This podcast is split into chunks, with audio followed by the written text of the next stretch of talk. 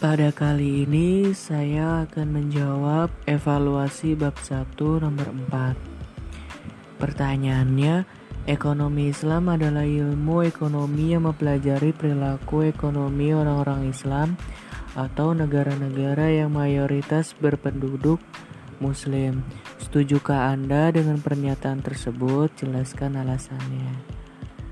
Menurut saya setuju sebab ketika orang-orang Islam sadar akan pentingnya dan adilnya sistem perekonomian syariah atau Islam, maka orang Islam tersebut akan menerapkan ilmu ekonomi syariah.